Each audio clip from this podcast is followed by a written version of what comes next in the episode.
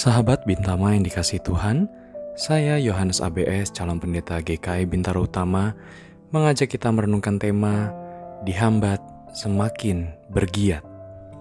Renungan ini didasari dari kisah para rasul pasal 3 ayat 8 sampai 10 yang berkata demikian. Tetapi Elimas, demikianlah namanya dalam bahasa Yunani, tukang sihir itu menghalang-halangi mereka dan berusaha membelokkan gubernur itu dari imannya.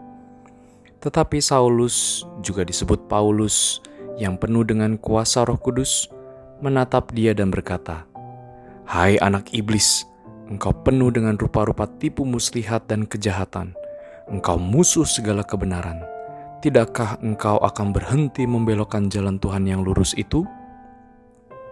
Sahabat Bintama, bekerja, membangun usaha, dan pelayanan bukanlah hal yang mudah tantangan demi tantangan, baik yang besar maupun yang kecil, akan mewarnai perjalanan karya kita. Namun, dalam kesemuanya itu, Tuhan tidak akan pernah meninggalkan hamba-hambanya. Bahkan, tidak jarang pula, tantangan yang kita temui itu justru dipakai Tuhan untuk memajukan pekerjaan, pelayanan, dan usaha kita. Setujukah kita akan hal itu? Pengalaman Saulus yang melayani Tuhan di Pafos dapat kita jadikan contoh yang baik. Tantangan muncul dari Bar Yesus atau Elimas, seorang tukang sihir yang gigih berusaha menghalangi Saulus untuk menyampaikan Injil kepada Sergius Paulus.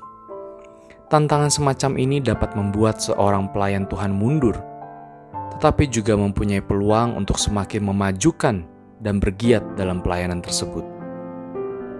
Nah, di sinilah Saulus dan rekan-rekannya memilih untuk tidak takut.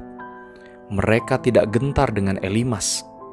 Dengan kuasa Roh Kudus, kuasa tukang sihir itu dikalahkan, dan sebagai akibatnya, Gubernur Sergius pun menjadi takjub dan percaya. Sahabat Bintama, Allah memang tidak menghapus atau tidak selalu menghapus tantangan serta rintangan dalam karya-karya kita. Tentu, bukan berarti Allah nggak mampu, tetapi rintangan dan tantangan tetap ada untuk mengajar kita agar selalu bergantung pada kuasa Tuhan. Allah ingin kita selalu beriman kepada pemeliharaan serta perlindungannya.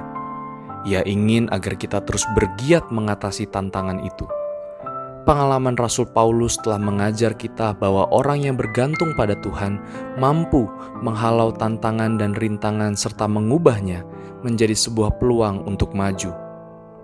Dan di situlah Paulus punya keberanian untuk menghardik kuasa iblis yang membelokkan jalannya dan juga jalan orang lain. Nah, sahabat Bintama, maukah kita juga belajar untuk mengandalkan hidup kita hanya kepada Tuhan?